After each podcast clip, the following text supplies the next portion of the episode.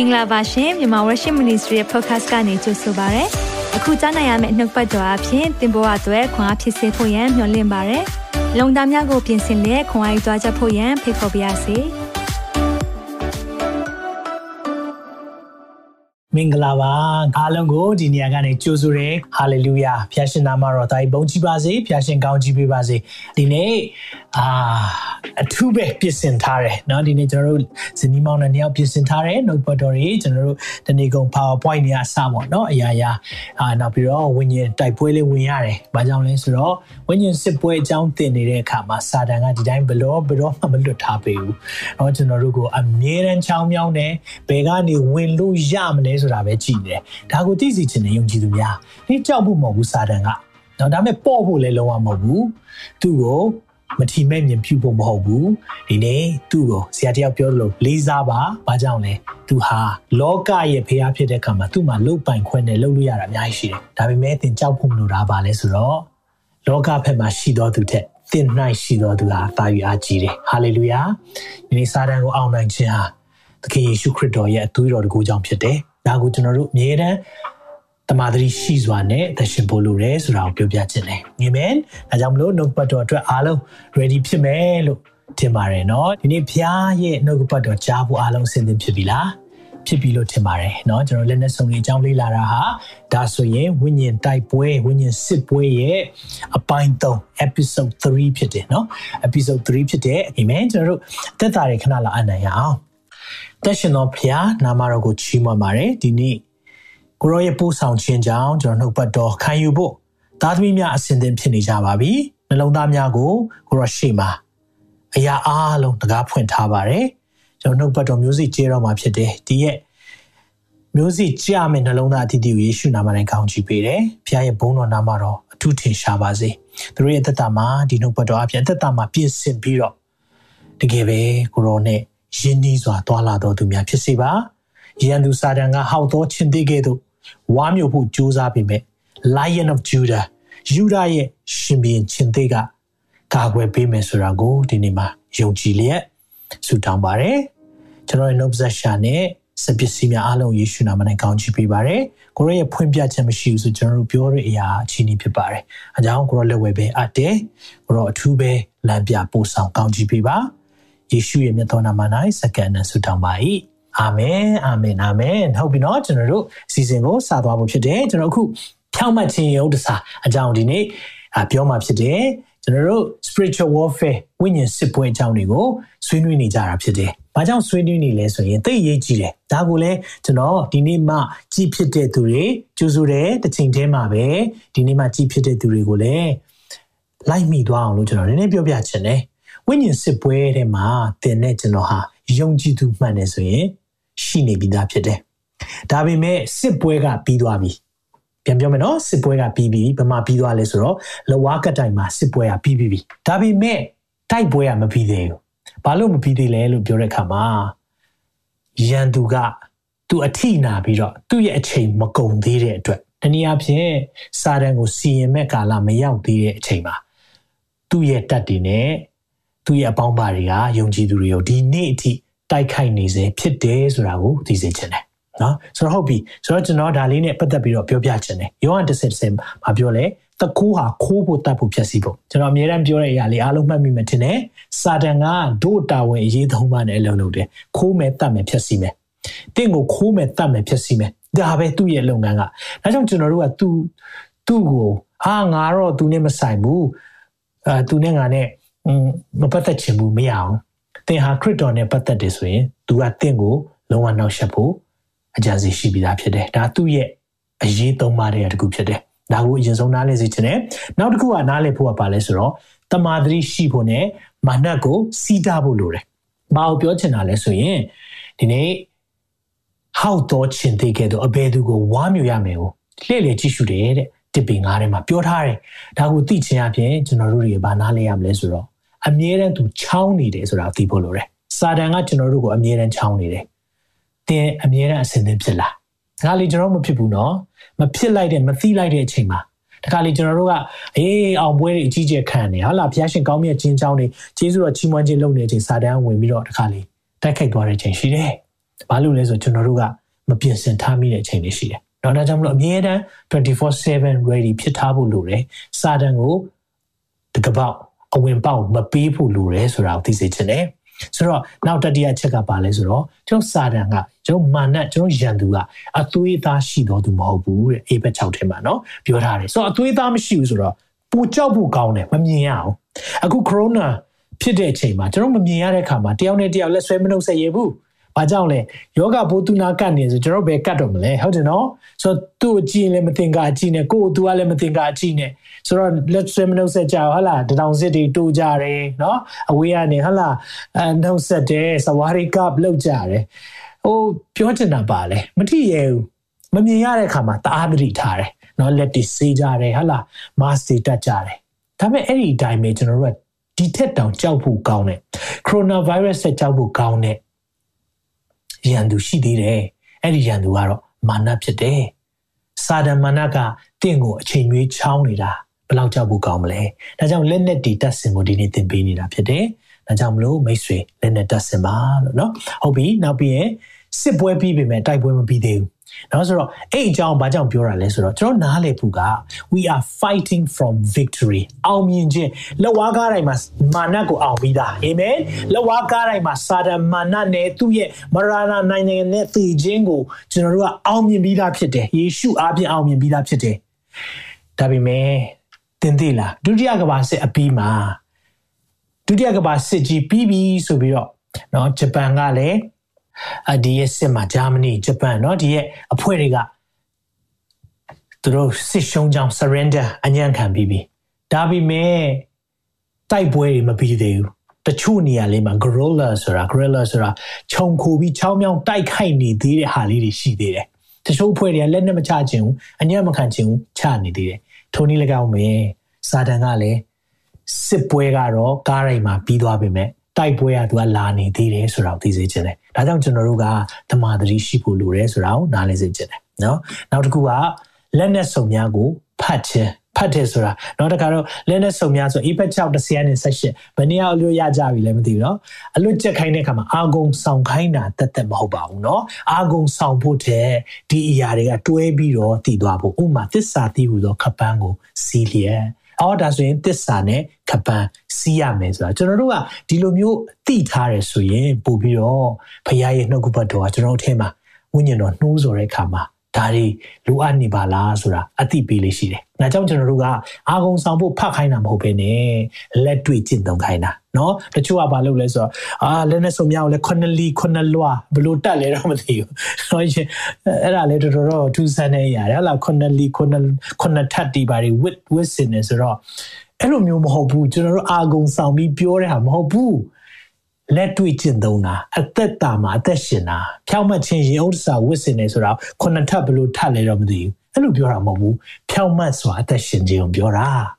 နော်ဒီနေ့တစ္ဆာတီဆိုကပန်းဆိုပြီးတော့လိုက်လိန်နေတဲ့လူတွေအများကြီးရှိတယ်ခုနှစ်လီခုနှစ်လွာကပန်းတော့ခုနှစ်ထပ်လောက်ဝတ်ထားတယ်ဒါပေမဲ့ तू မလိန်ဘူးတဲ့ तू မရှိဘူးယုံကြည်သူလားဆိုယုံကြည်သူပြောတယ်ဒီနေ့ကျွန်တော်ဗာနာလဲစီချင်တယ်ယုံကြည်သူများဒီလက်နဲ့စုံတွေက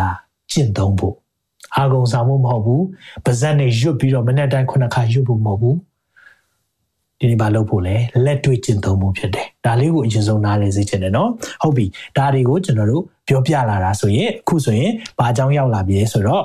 ဒီမှာဆိုရင်ကျွန်တော်ကြည့်မယ်ဆိုရင်ဖြောင့်မတ်ခြင်းရင်ဥဒ္ဒစာเนาะဒီနေ့နှုတ်ပတ်တော်ကောင်းစဉ်ကိုဖြောင့်မတ်ခြင်းရင်ဥဒ္ဒစာတင်ဥဒ္ဒစာလို့ပေးထားတယ်ဆိုတော့ဒီနေ့ဖြောင့်မတ်ခြင်းအကြောင်းတွေပြောမယ်အဲ့ဒါနဲ့ပတ်သက်ပြီးတော့ကျွန်တော်ငယ်တုန်းကအဖြစ်ပြက်လေးတစ်ခုနော်ဒါတကယ်အဖြစ်ပြက်လေးဖြစ်ပါတယ်ကျွန်တော်ရဲ့သက်တာမှာကြုံတွေ့ရတဲ့သင်ခန်းစာတစ်ခုလည်းဖြစ်တယ်အဲ့ဒါလေးကိုအရင်ဆုံးပြောပြခြင်းတယ် ကျွန်ငယ်တော့ကအဲ့မှာစုဘူးလေးတစ်ခုအမေကပေးစားတယ်ဆိုတော့အကျွန်တော်တစ်နှစ်တာလုံးစုမယ်ခရစ်စမတ်ကြမှာဖောက်ပြီးတော့အင်ဂျီသစ်လေးတွေဝယ်မယ်ပေါ့နော်ဆိုတော့ခရစ်စမတ်ဆိုရင်ကျွန်တော်အင်ဂျီသစ်ဝတ်တဲ့ထုံတန်းအစင်လာရှိတယ်လေနော်မြန်မာနိုင်ငံမှာဆိုတော့ပတ်စံလေးတွေစုမယ်ဆိုတော့အဲ့ဒီမှာအာမေကလည်းစုပေးတယ်ကျွန်တော်တို့နော်သူတို့လူကြီးတွေကလည်းသူတို့ရှိရင်ရှိတယ်လို့ကျွန်တော်ရဲ့စုဘူးထဲမှာထည့်ပေးတယ် ဖြစ်ချင်တော့ကျွန်တော်စုဘူးကအယုတ်မလေးပုံလေးနဲ့เนาะကော်ရုပ်လေးနဲ့ကျွန်တော်မှတ်မိသေးတယ်အဝါရောင်လေးတော်တော်တော့ကြီးတယ်အဲ့ဒါလေးရှိတယ်ဆိုတော့ကျွန်တော်ကလည်းကျွန်တော်ပတ်စံစုထားတော့ကျွန်တော်ချောင်းကြည့်တယ် ချောင်းကြည့်တဲ့အခါမှာဟာပတ်စံနေအများကြီးရှိပြီဆိုဘယ်နှတန်တော့ရေကြည့်လိုက်သေးတယ်เนาะအဲ့ဒီတော့ဆိုတော့200တန်တို့အဲ့လို100တန်တို့ဆိုတာတော်တော်လေးအဲ့ချိန်1000တန်မထွက်သေးဘူးเนาะအဲ့မှာအများကြီးပဲအဲ့လိုကြည့်ပြီးတော့ အဲ့နဲ့ကျွန်တော်ကလည်းဟာပတ်စံစုထားတယ်ဆိုရင်တငယ်ချင်းတွေလာပြီးဆိုဟေးငါတို့ပတ်စံတွေစုထားတယ်ဆိုသူတို့ကလည်းကြည့်ပြီးတော့ဟာပတ်စံတွေအများကြီးပဲနော်ဆိုတာအဲ့နဲ့တည့်ချာကျွန်တော်လည်းကြည့်ဟာပတ်စံဟာအများကြီးသာနေဘလို့နေတော့ပါလေကြည့်နေတာဟာပတ်စံရှိတော့ရှိတယ်ဒါပေမဲ့တိတ်မရှိကြလို့ဘလို့ဖြစ်သွားတာလဲကျွန်တော်ကြည့်ကြည့်ပြီးတော့တည့်ရက်မှာကျွန်တော်သိလိုက်တာပါဆိုကျွန်တော်ရဲ့အဲ့ဒီစုဘူးအယုံမရဲ့အောက်မှာ break ဓာတ်လေးနဲ့ဖြတ်ထားပြီးတော့အဲ့ကနေပတ်စံတွေ ထုတ်ထားတယ်တခြားလူမဟုတ်ဘူးကိုတငယ်ချင်းပဲနော်ကိုအိမ်မှာခေါ်ပြီးတော့ထမင်းတွေကျွေးတဲ့တယောက်ဖြစ်နေတယ်ဒါပေမဲ့ကျွန်တော်တို့မှသင်လိုက်ရတယ်ဖြောင်းမှချင်းသင်ခန်းစာဘာလဲဆိုတော့တခါလေးမှကျွန်တော်တို့ကလေကိုမလိမ်ဘူးကိုမလိမ်တတ်ဘူးကိုမခိုးတတ်ဘူးဆိုသူများလည်းမလိမ်တတ်ဘူးမခိုးတတ်ဘူးလို့ပဲထင်တာအဲ့နဲ့အိမ်မှာဝင်ထွက်နေတာပဲပြီးတော့ပိုဆိုးတာကိုပတ်စံနေခိုးပြီးတော့ကိုကိုမုတ်ဝဲကျွေးလိုက်သေးတယ်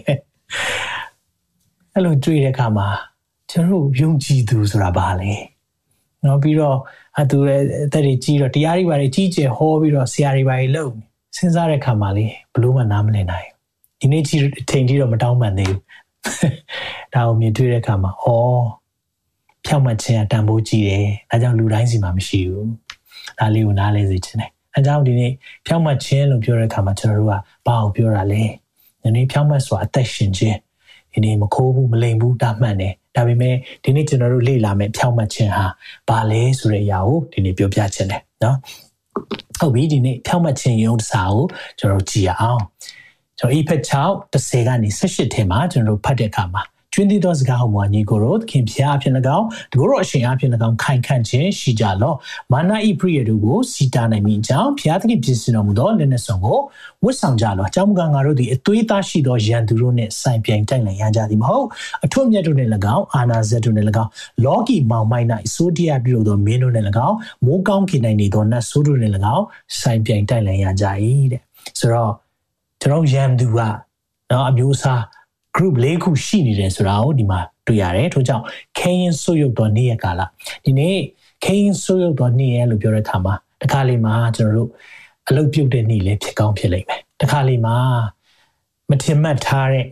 medical report ဆိုတာစီးပညာနဲ့ပတ်သက်ပြီးတော့ဆရာဝန်ရဲ့ပြောလာတဲ့စကားတခုမမျှော်လင့်ထားတဲ့အရာကိုယ့်ရဲ့ကျန်းမာရေးနဲ့ပတ်သက်ပြီးစိုးကျိုးတခုပြောလာတဲ့အရာဖြစ်ကောင်းဖြစ်လိမ့်မယ်ဒါပေမဲ့အဲ့ဒီနေ့ဒီမှာစာတန်လာတိုက်တဲ့ နေဖြစ်ကောင်းဖြစ်ပေမဲ့တင့်ကိုခွန်အားပေးခြင်းနဲ့ဖခင်ကလေအဲ့ဒီအရာတွေအောင်မြင်ဖို့ရန်အတွက်လက်နက်စုံကိုပြင်ဆင်ထားပြီးသားဖြစ်တယ်ဆိုတာသိစေခြင်းနဲ့ဟာလေလုယာထို့ကြောင့်ခရင်ဆွေတော်နေ့ရက်ကာလ၌စီးတာနဲ့ပြည့်ကိစ္စအလုံးစုံကိုပြီးစီးခံနိုင်မိကြောင်းဖခင်သခင်ပြင်ဆင်တော်မူသောလက်နက်စုံကိုယူဆောင်ကြလောတဲ့အဲ့ဒီမှာကျွန်တော်တို့အားလုံးမဖတ်တော့ဘဲနဲ့ဒီနေ့နှုတ်ပတ်တော်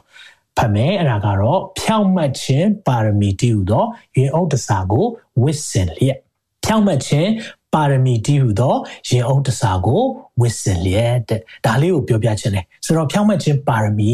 ဒါလေးကဘာလဲဖြောင့်မတ်ခြင်းရင်အုပ်တစာအင်္ဂလိပ်လိုတော့ the breast plate of righteousness နော်ဒီနေ့ရင်မှာကာထားတဲ့အရာဆိုတာကိုပြောပြချင်တယ်ဆိုတော့ဒါနဲ့ပတ်သက်ပြီးတော့လေ့လာကြည့်တဲ့အခါမှာ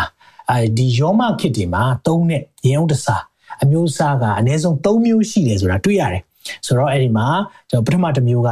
တန်ပြားတွေဒါမှမဟုတ်တတ်တုပြားတွေပေါ့နော်ကြေးဒါမှမဟုတ်သံဒါတွေနဲ့အပြားအသေးလေးလုပ်ပြီးတော့တစ်ခုနဲ့တစ်ခုချိတ်ဆက်ထားတဲ့အရာเนาะကျွန်တော်တို့ဒါသခင်ယေရှုကားတွေတို့เนาะဒီရှီဟောင်းကားတွေကြည့်မယ်ဆိုရင်ဒီလိုမျိုးတွေ့ပါလိမ့်မယ်เนาะဒါတွေလည်းအဲ့ဒီအဲ့ဒီပုံစံလေးပြန်ပြီးတော့ဝစ်စင်ထားတာဖြစ်တယ်ဆိုတော့ဒါကနံပါတ်1အမျိုးအစားဖြစ်တယ်နံပါတ်2အမျိုးအစားကြတော့သူကနည်းနည်းဒီပထမတစ်ခုကြတော့ပို့ပြီးလေးတယ် နော်ဒါကိုလည်းသိစေချင်တယ်ထူးဆန်းတာတစ်ခုကထူးခြားတာပေါ့နော်ထူးဆန်းတာဆိုတော့တဲ့ထူးခြားတာတစ်ခုကဘာလဲဆိုတော့ဒီရင်အုပ်တစာကလက်နဲ့တီအားလုံးထဲမှာဘာဖြစ်ဆုံးလဲသိလားအလေးဆုံးတချို့ဆိုရင်အရင်တော့ကတကယ်ခိုင်မာတဲ့ရင်အုပ်တစာတွေကဘယ်လောက်ထိတောင်ရှိလဲဆိုတော့ပေါင်ချိန်80အထိတောင်ရှိတဲ့အရာရှိတယ်လို့စာရဲမှာဖတ်ရတယ်လို့ပြောတဲ့အခါမှာသူတို့ကဘာလို့ဆိုလိုတာလဲ အရန်အရေးကြီးတဲ့နှလုံးသားကိုကာကွယ်ထားခြင်းတာဆိုတော့ကြံတဲ့အရာတွေကเนาะကျွန်တော်တို့ခုံမိတယ်ထိမိတယ်ဆိုရင်ဒီလောက်ပြဿနာနာကျင်ပေမဲ့အသက်အန္တရာယ်အတွက်မထိခိုက်နိုင်ဘူးဒါပေမဲ့ နှလုံးသားเนาะနှလုံးတွေဘာတွေကိုမြားထိသွားမယ်ဆိုရင်တော့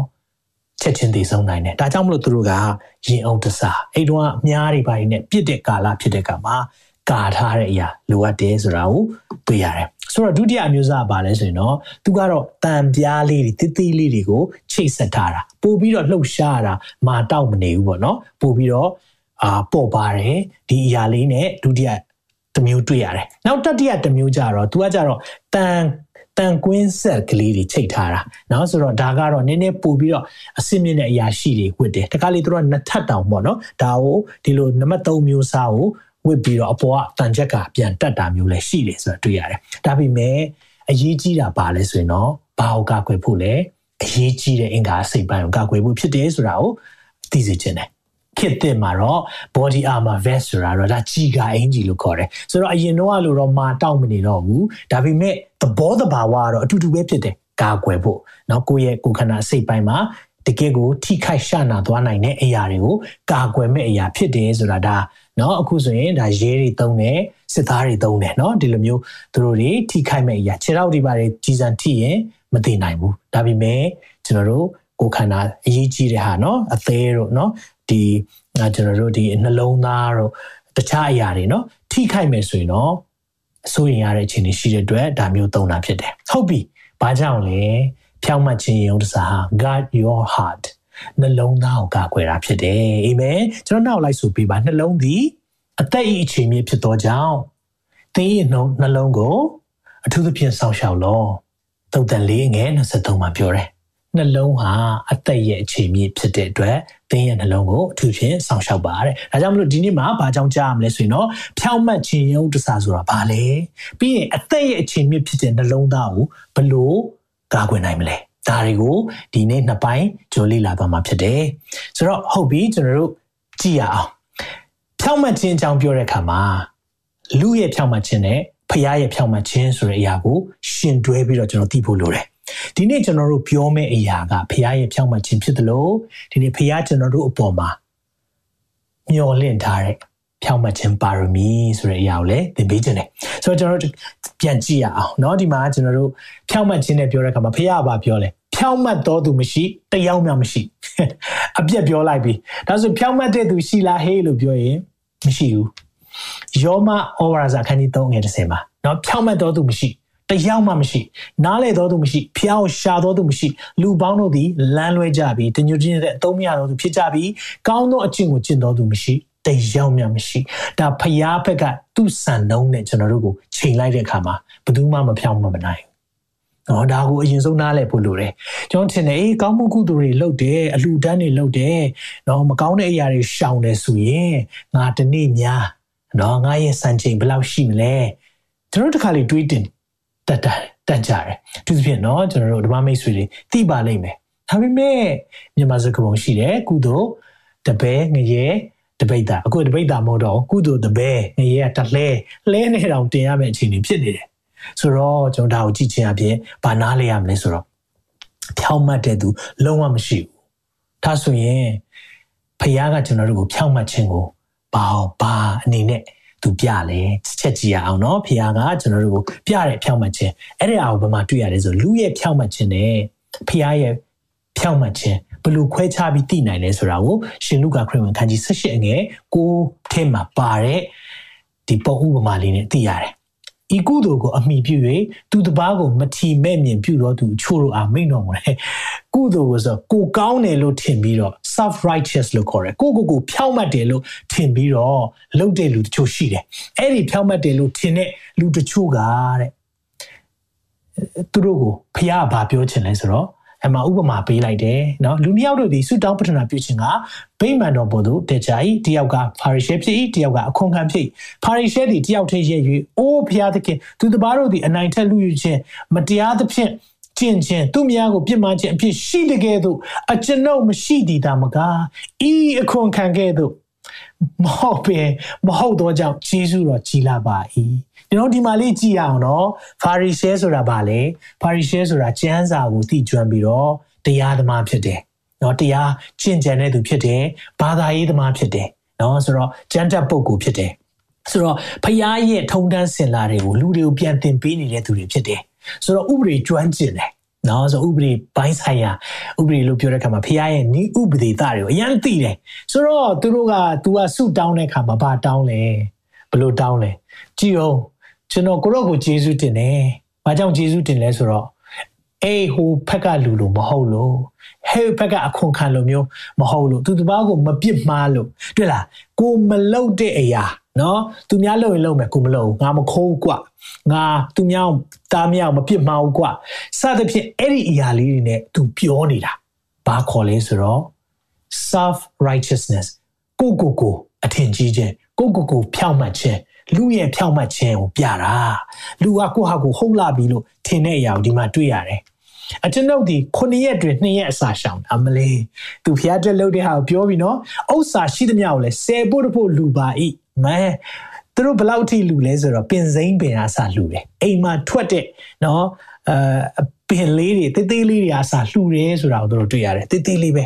အာဒါပဲမဟုတ်ဘူးဖះကိုပေးရမယ်ဒါပေမဲ့ အဲ့ဒီအရာကလူရဲ့ဖြောက်မှတ်ခြင်းအနေနဲ့ဖះရှိမှသွားပြီးတော့တော့ရက်ပြီးတော့ဆူတောင်းပဏာပြုတယ်အငယ်73မှာကြည့်အောင်အခွန်ခံခွန်ခံကြတော့အဝေးကရက်၍ကောင်းကင်သို့မမျော်မကြည့်ဝင်ပဲရင်ဘတ်ကိုခတ်လျက်ကောင်းကင်အောင်သူမကြည့်ရဘူး။အိုးဘုရားသခင်အပြစ်မှများသောအကျွန်ုပ်ကိုတနာခြင်းဂရုဏာစိတ်ရှိတော်မူပါဟုဆုတောင်းတယ်။အပြစ်များတယ်သူကသူပါလဲဆိုတော့သူသိတယ်။နော်ပြီးရင်ငါဆိုဒီကဤသူဒီအပြစ်ပြေလျက်မိမိအိမ်သို့ပြန်သွားတယ်။ ဖះနားညောင်းတယ်ဖះကိုချင်းကပ်လို့ရတယ်ဆိုတာကိုဒါကိုသိစေချင်တယ်။အိမ်ပြန်သွားတယ်။ဖာရိရှဲမူကအပြစ်မပြေအကြောင်းမူကကိုကိုကိုချီးမြှောက်တော်သူမိဒီကနှိမ်ချခြင်းသူရောက်တဲ့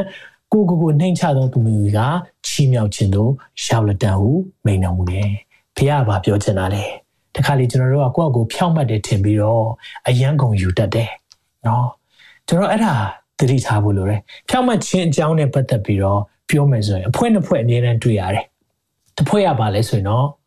ငါတို့ဟာဖခင်ရဲ့စကားကိုနားထောင်နေဖះကြိုက်တဲ့အရာအကုန်လုပ်တယ်ဖះစီခိုင်းတဲ့အရာအလုံးလုပ်တဲ့အတွက်ငါတို့သူတစ်ပါးတည်းသားတယ်ဒါဟာဘာလဲဆိုတာ legalistic လို့ခေါ်တယ်เนาะ legalist ဆိုတာ legalism ဆိုတာဒီနေ့ law အောက်ထဲမှာပဲရှိနေသေးတယ်เนาะဒီနေ့ဂျေဇုတော်ထဲမှာရှိပေမဲ့သူတို့အသက်ရှင်ခြင်းကဂျေဇုတော်နဲ့သွားတာမဟုတ်ဘဲနဲ့ ဘာနဲ့သွားလဲဆိုတော့သူတို့ရဲ့လုံနိုင်ခြင်းပေါ်မှာမိခိုနေတဲ့အဖွဲ့ရှိတယ်အဲ့ဒီအဖွဲ့ရဲ့စန့်ကျင်ဘက်တခြားအစွန်းတစ်ဖက်မှာကျတော့ဘာရှိလဲဆိုတော့အရာရာဟာဂျေဇုတော်ပဲ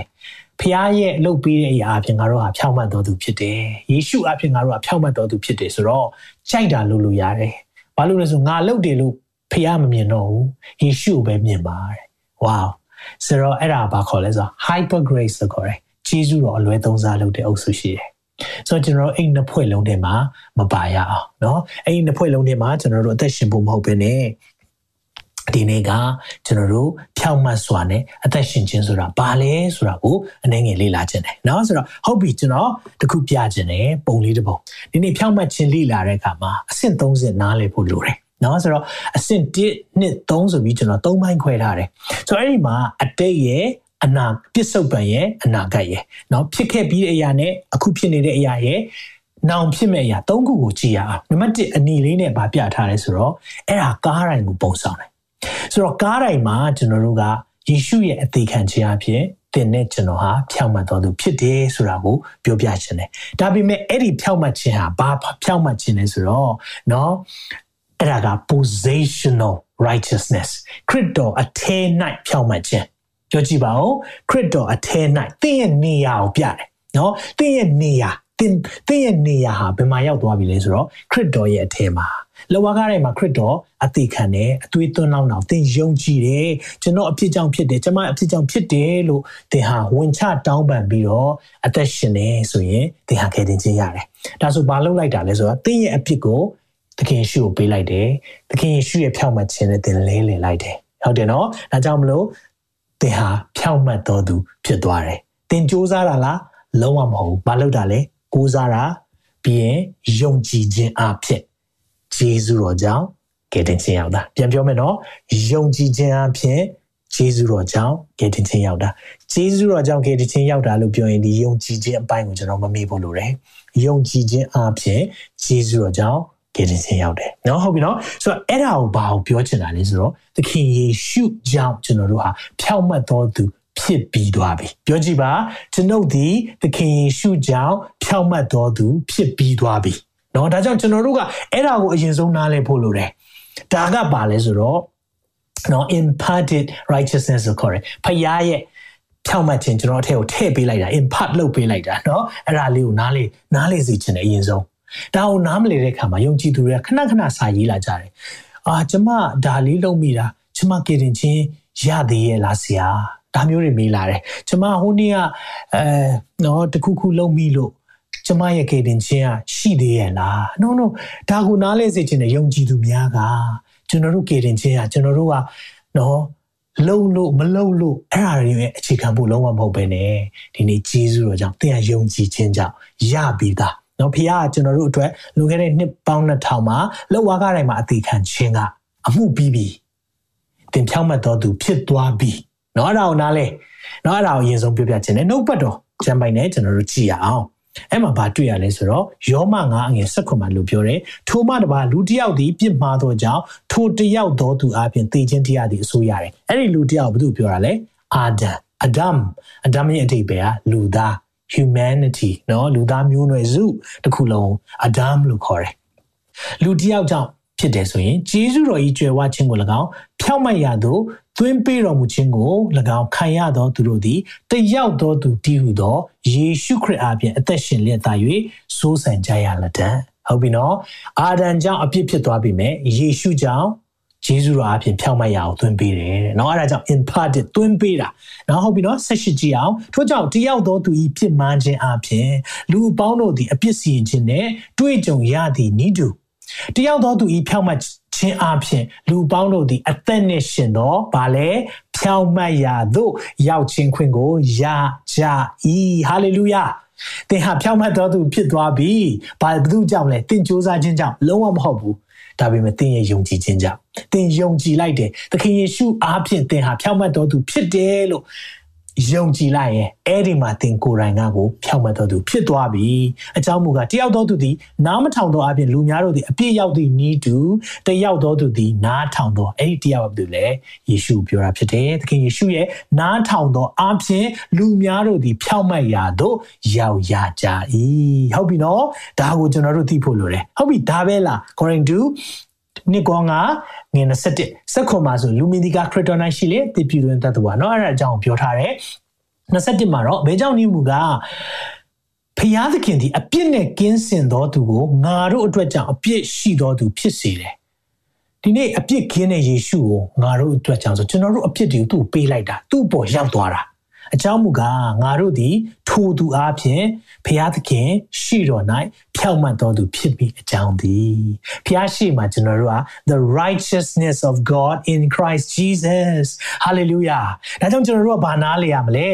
I am changed ပြောင်းလဲသွားပြီ still changing amen i am changing ကျွန်တော်ဒီပြောင်းလဲပြီဒါပေမဲ့ပြောင်းလဲပြီအမှပြီးသွားလားမပြီးသေးဘူးဆက်လက်ပြောင်းလဲနေစေကျွန်တော်ဟာဖြောင်းမှတ်ပြီလားဖြောင်းမှတ်ပြီဒါဆိုရင်ဖြောင်းမှတ်ခြင်းပါရမီရောသွားနေစေလားသွားနေစေဖြစ်တယ်ဒါလေးကိုပြောပြခြင်းတယ် hallelujah အဲ့ဒါကိုအရင်ဆုံးကြည့်လိုက်ပြီဆိုရင်ဒီဘက်အနီလေးကိုကြည့်စေခြင်းတယ်အဲ့ဒီမှာနံပါတ်1မှာဘာနားလဲရမလို့ဒါအတိတ်ကနော်အတိတ်ကဆိုတာကရာနီကားတိုင်းမှာလှုပ်တဲ့အရာကဘာကိုပြလဲကယ်တင်ခြင်းကိုပြတယ်ဒီနေ့သင်ဟာကယ်တင်ခြင်းရတော်သူဖြစ်တယ်ဆိုရင်ဒါဟာ positional righteousness လို့ခေါ်တယ်သင်ဟာဖြောက်မှတ်တော်သူဖြစ်သွားပြီဖြစ်သွားပြီသင်ကြောင့်လားလုံးဝမဟုတ်ဘူးဘယ်သူကြောင့်လဲသခင်ယေရှုအဖြစ်ဟာဒါဆိုကျွန်တော်တို့ကကြိုက်တာလုပ်လို့ရပြီလား ကြိုက်တယ်လို့နေလို့ရပြီလား the question အမြဲတမ်းလာတယ်ဒီ question အမြဲတမ်းမေးခံရတယ်ဒါဆိုရင်ကျွန်တော်တို့ကအပြစ်လုပ်လို့ရသွားပြီလားဆရာဒီနေ့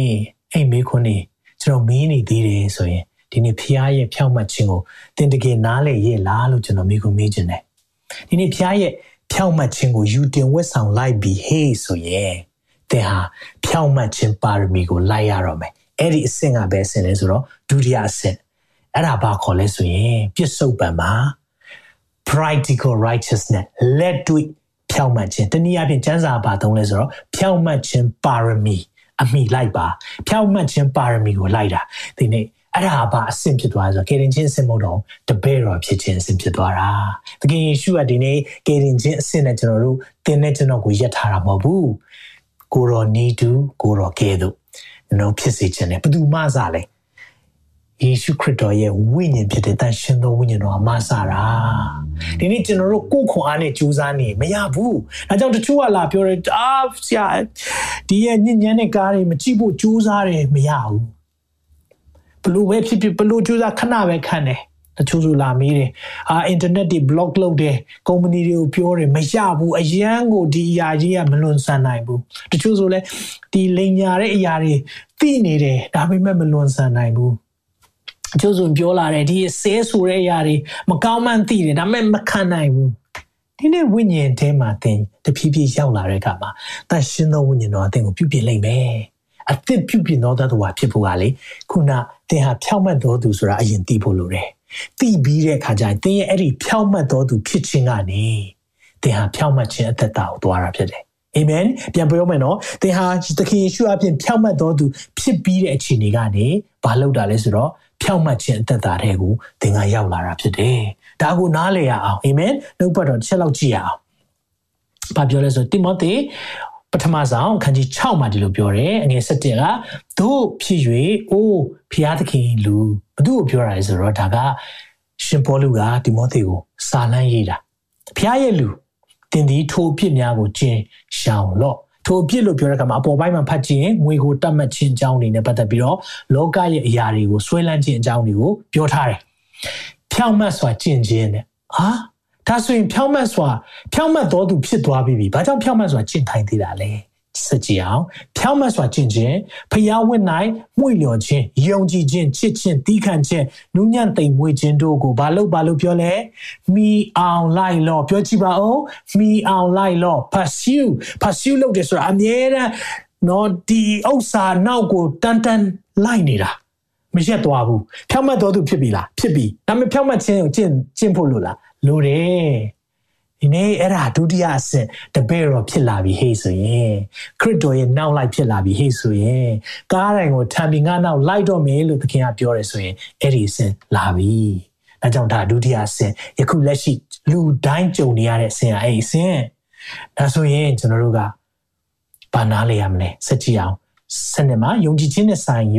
ကောင်းစွာသော တိုက်လန်ခြင်းကိုပြုလော fight the good fight နော် fight the good fight လို့ပြောတဲ့အခါမှာကျွန်တော်တို့ကလူတွေအားလုံးကိုစမ်းစာနဲ့ internet ကနေလိုက်ပြီးတော့ဒီလိုမဟုတ်ဘူးဒီလိုဟုတ်တယ်လိုက်တိုက်ခိုက်တာအဲ့ဒါ good fight မဟုတ်ဘူးယုံကြည်လူချင်းချင်းတိုက်နေတာဘယ်တော့မှ good fight မဟုတ်ဘူးသင်တိုက်ရမယ့်ရန်သူကရန်သူတတ်တတ်ရှိတယ်အသွေးသားရှိနေသင်ရန်သူမှားနေတယ်အဲ့ဒါမဟုတ်ဘူးသင်တိုက်ရမှာကနောက်တစ်ချို့က theological လာပြင်ပေးချင်တာတော့ဘာလို့ရှိတယ် self righteous တွေလေ ကိုကိုကိုဖြောက်မှတ်တယ်လို့ထင်တဲ့လူတခါလေရုပ်တောင်းမပြရဲဘူးနော်ဒါတွေကြည့်တဲ့အခါမှာ no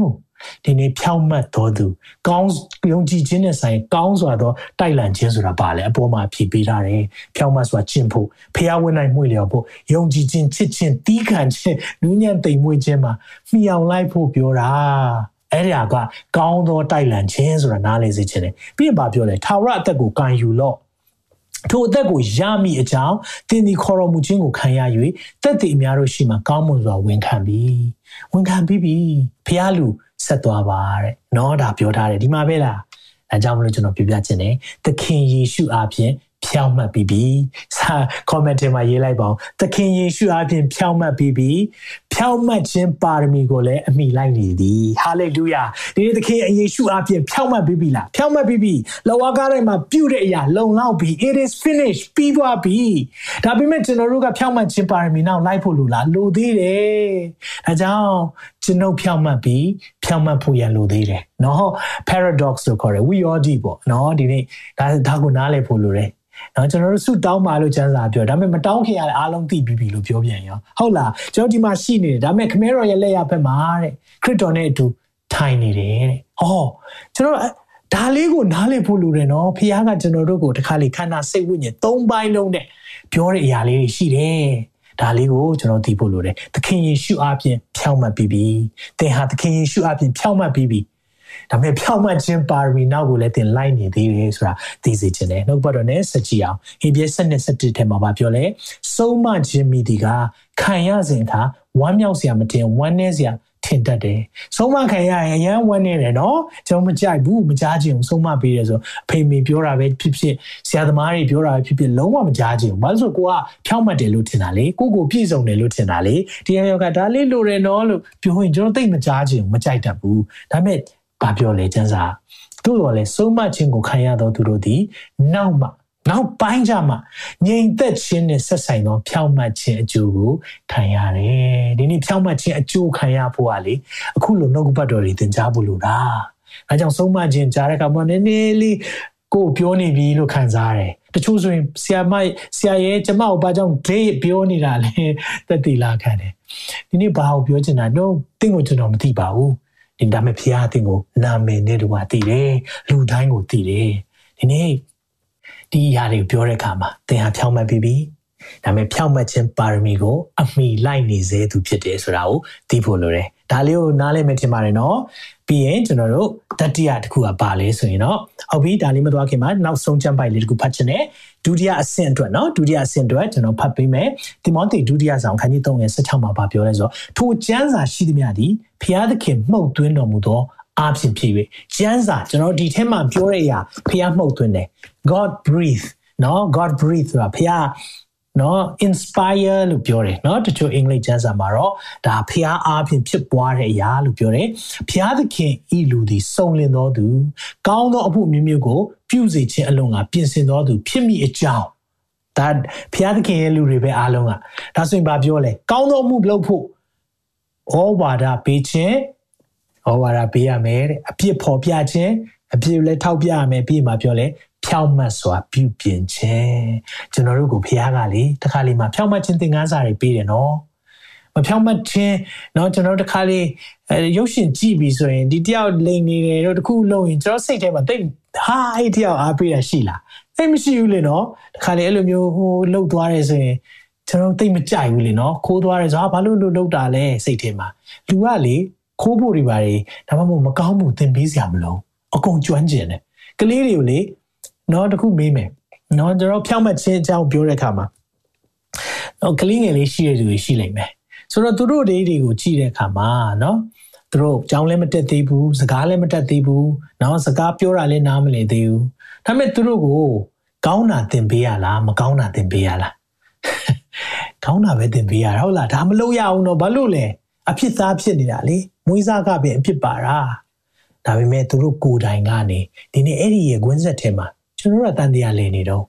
အဲဒါကြောင့်မလို့သခင်ယေရှုရဲ့ကယ်တင်ခြင်းကိုလူတိုင်းကြားဖို့လိုတယ်လက်ခံဖို့လိုတယ်အဲ့ဒါပြီးမှကျွန်တော်တို့ရဲ့လူဟောင်းကနေလူသစ်တပြေးပြေးဖြစ်လာတာသင်နားလည်နိုင်မယ်လို့ထင်ပါတယ်နော်နားလည်ဖို့ဘုရားရှင်မဆပါစေစัจကြည်အောင်ဒါကြောင့်ဖြောက်မှတ်ခြင်းဆိုတာပါလေ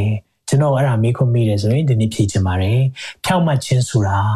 တမာတရားတင့်အထဲမှာအလုံးလုံးနေကြောင်းပြသခြင်းဖြစ်တယ်ပြန်ပြောမယ်နော်ဖြောက်မှတ်ခြင်းဆိုတာတမာတရားတင့်အထဲမှာအလုံးလုံးနေတယ်ဆိုတာပြတာဟာလေလုယာဒါကြောင့်မလို့ကျွန်တော်တို့ဒီဖြောက်မှတ်ခြင်းအကြောင်းတွေကြားတယ်ဖခင်ကြိုက်တဲ့အရာတွေမကြိုက်တဲ့အရာတွေကျွန်တော်တို့ကြားဖို့လိုတယ်အချိုးကြီးပဲစားရင်တခါလေသွားပူစားတတ်တယ်ဒါပေမဲ့ကျွန်တော်တို့ရဲ့ နော်အကျင့်တွေကိုပြင်ပေးတဲ့အရာဖြောင့်မတ်စွာပြုပြင်ခြင်းနော်ဒါတွေရှိလာတဲ့အခါမှာကျွန်တော်ပတ်တော်တွေအများကြီးကြားလာတဲ့အခါမှာလေအခုစာတွေရေးလာကြတဲ့အရာတွေ praise report တွေကြားတာဘာတွေပဲကြားလဲအသက်တာမှာဆင်ခြင်မိတယ်သက်တာမှာဆင်ခြင်မိတယ်တယောက်ဆိုပြောတယ်အမှုတော်ဆောင်ဖြစ်ပြီးဘာကြောင့်မအောင်မြင်လဲဆိုတာဆရာနှုတ်ကပတ်တော်တွေကြားပြီးသိလာတယ်ဒီဖခင်အနိုးဆိုတာကျွန်တော်ရဲ့အသက်တာမှာ အဲ့ဒါဖြောက်မှတ်ခြင်းပါရမီနောက်လိုက်လာတဲ့ခြေလမ်းလေးတွေဖြစ်တယ်ဟာလေလုယာသင်ဟာဖြောက်မှတ်ခြင်းပါရမီနောက်ကိုလိုက်နေပြီဆိုတာသိစေခြင်းနဲ့အတမန်တရားအထက်ကနေလှုပ်လှုပ်လာပြီ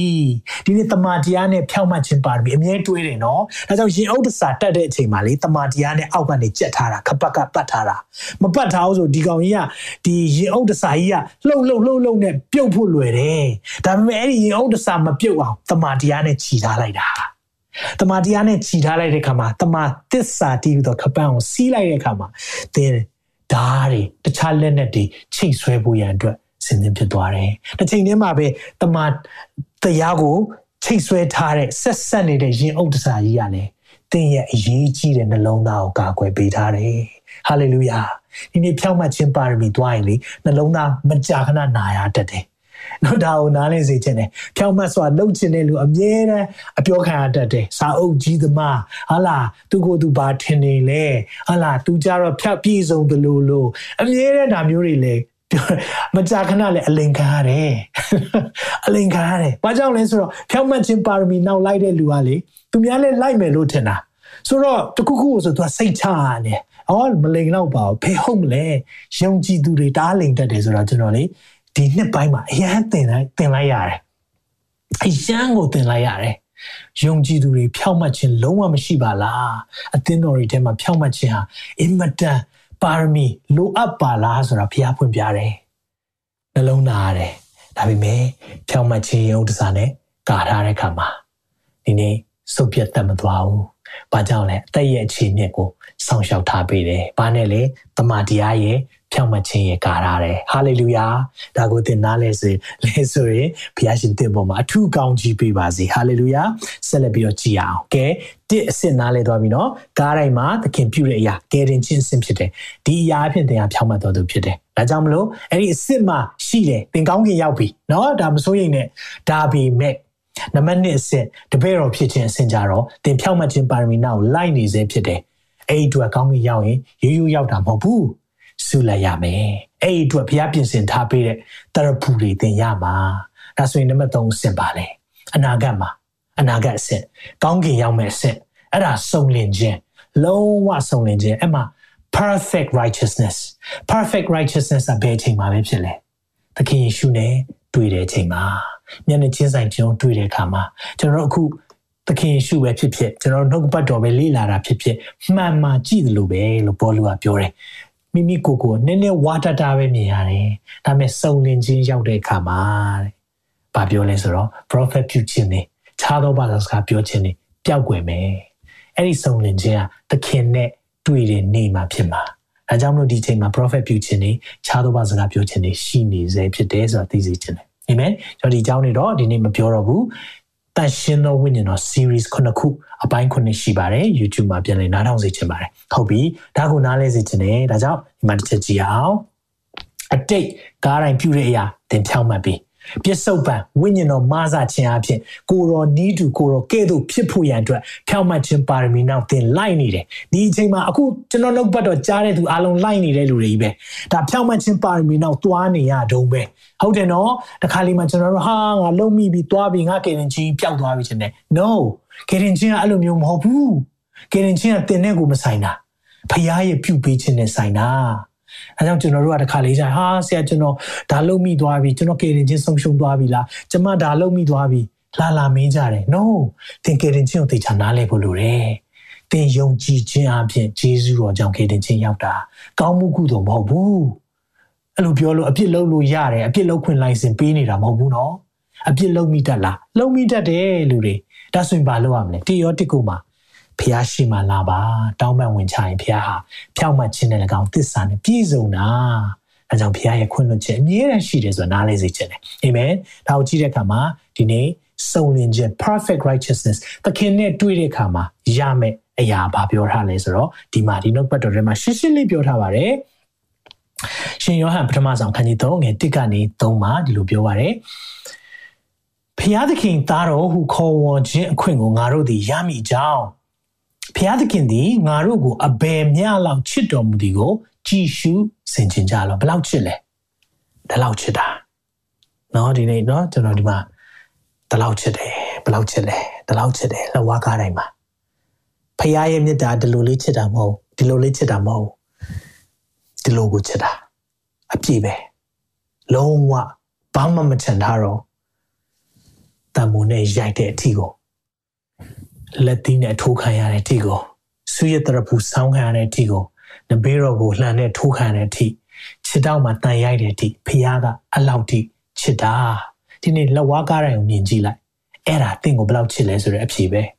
အဲ့လောက်ချစ်တဲ့ဖះလောကမှာမရှိဘူးအဲ့လောက်ချစ်တဲ့ခင်ပွန်းတဲ့လောကမှာမရှိဘူးအဲ့လောက်ချစ်တဲ့ဇနီးတဲ့လောကမှာမရှိဘူးဒီနေ့ဖះရဲ့ချစ်ခြင်းဘယ်လောက်ချစ်တယ်လဲ ဒီနေ့နှုတ်ကပတ်တော်ထဲမှာဒီနေ့ကျွန်တော်ဆင်ခြင်ရအောင်လောကီသားတို့ဒီဖျားသခင်ကိုမသိတော့ကြောင်းငါတို့ကိုလည်းမသိကြချစ်သူတို့ယခုတွင်ငါတို့ဒီဖျားသခင်သာဖြစ်ကြ၏နောင်မှအဘယ်သို့သောသူဖြစ်မည်ဟုမထင်ရှားသေးနောက်ဘလို့ဖြစ်မလဲမသိသေးဘူးတဲ့သို့တော်လည်းကိုတော်သည်ထင်ရှားပေါ်ထွန်းတော်မူသောအခါကိုရောပေါ်လာတဲ့အခါကိုရောနဲ့တွေ့တဲ့အခါအဲ့ဒါကိုပြောချင်တာဖြစ်တယ်ငါတို့ဒီကိုရောနဲ့ဘာလုပ်မလဲတူကြလက်တန့် ဟုတ်ပြီနော်ကိုရောနဲ့အခုမတူတာတွေအများကြီးရှိလိမ့်မယ်ဟုတ်လားတော့ကျွန်တော်အများကြီးကျွန်တော်တို့တန်ရှင်းခြင်းပါရမီဖြောင့်မတ်ခြင်းပါရမီတွေမှာပြင်းနေတော့ခရီးမဆုံးသေးဘူးဒါကြောင့်မလို့ကိုရောနဲ့အရာအလုံးမတူနိုင်သေးဘူးဒါပေမဲ့ကိုရောနဲ့တူမဲ့ခြင်းအပဲခြင်းလေအကြောင်းမူကားကိုရောဖြစ်တော်မူသည့်အတိုင်းငါတို့ဒီမြင်ရမယ်ကိုရောနဲ့တွေ့တဲ့ခါကျရင်ကိုရောအတိုင်းကျွန်တော်တို့မြင်ရမှာကိုရောအတိုင်းကျွန်တော်ဖြစ်သွားမယ်တဲ့ အဲ့ဒါကိုတဲ့အငယ်သုံးမှာကျွန်တော်ပြပြချင်တယ်ထို့သို့မျော်လင့်တော်သူမိဒီကသင်အဲ့လိုမျော်လင့်တဲ့သူတနည်းအားဖြင့်ခရစ်တော်ရဲ့ပေါ်ထွန်းခြင်း rapture ကိုစောင့်နေတယ်စောင့်နေတဲ့အချိန်မှာဒီတိုင်းမစောင့်နေဘူးကိုရောရဲ့အသက်ရှင်စီလိုတဲ့တန်ရှင်းခြင်းပါရမီထဲမှာပြင်းနေတယ်မိအောင်လိုက်ဖို့ကြိုးစားနေတဲ့သူတွေကဘာဖြစ်မလဲဒီလားကိုရောတန်ရှင်းတော်မူသည်နည်းသူကိုကိုကိုတန်ရှင်းစေတတ်၏ဟာလေလုယာအဲကြောင့်ဖခင်ရဲ့တန်ရှင်းခြင်းရှိဖို့လိုတာအသက်တာတန်ရှင်းခြင်း ရှိဖို့လိုတာဘသူတွေလဲတကယ်တန်ရှင်းခြင်းရှိတယ်ဆိုတာဖခင်ရဲ့ချီဆောင်ခြင်းစောင့်နေတဲ့လူတွေကိုရောပေါ်ထွန်းလာတဲ့နေ့ကြရင်ကျွန်တော်တို့လည်းကိုရောရဲ့ပုံစံအတိုင်းဖြစ်သွားမှာတဲ့အဲ့ဒါကဘာလဲဆိုတော့ perfect righteousness ပြီးပြည့်စုံသော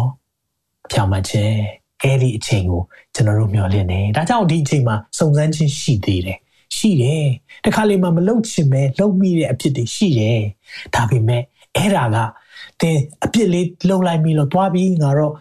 ကယ်ရင်ချင်းဆုံးရှုံးမိတယ် no no no no ကယ်ရင်ချင်းကရှုံးလိုက်ရလိုက်ရှုံးလိုက်ဖះပေးလိုက်ပြန်ယူလိုက်ပေးလိုက်ပြန်ယူလိုက်အဲ့လိုမဟုတ်ဘူးဖះထာဝရအသက်ကိုအပိုင်ပေးတာအပိုင်ပေးတာဒါကြောင့်ကားတိုင်းမှာပြုတဲ့အရာတင်းရဲ့ကယ်ရင်ချင်းလုံလောက်တယ်ဒါပေမဲ့တပည့်တော်ဖြစ်ခြင်းဒုတိယဆက်ဖြောင့်မတ်ခြင်းပါရမီထဲမှာပြင်းနေတော့မယ်ဒါကြောင့်ဖြောင့်မတ်ခြင်းကိုသင်ရတာ ဖြောင့်မတ်ခြင်းရှိဖို့လိုတာကျွန်တော်သက်တာမှာ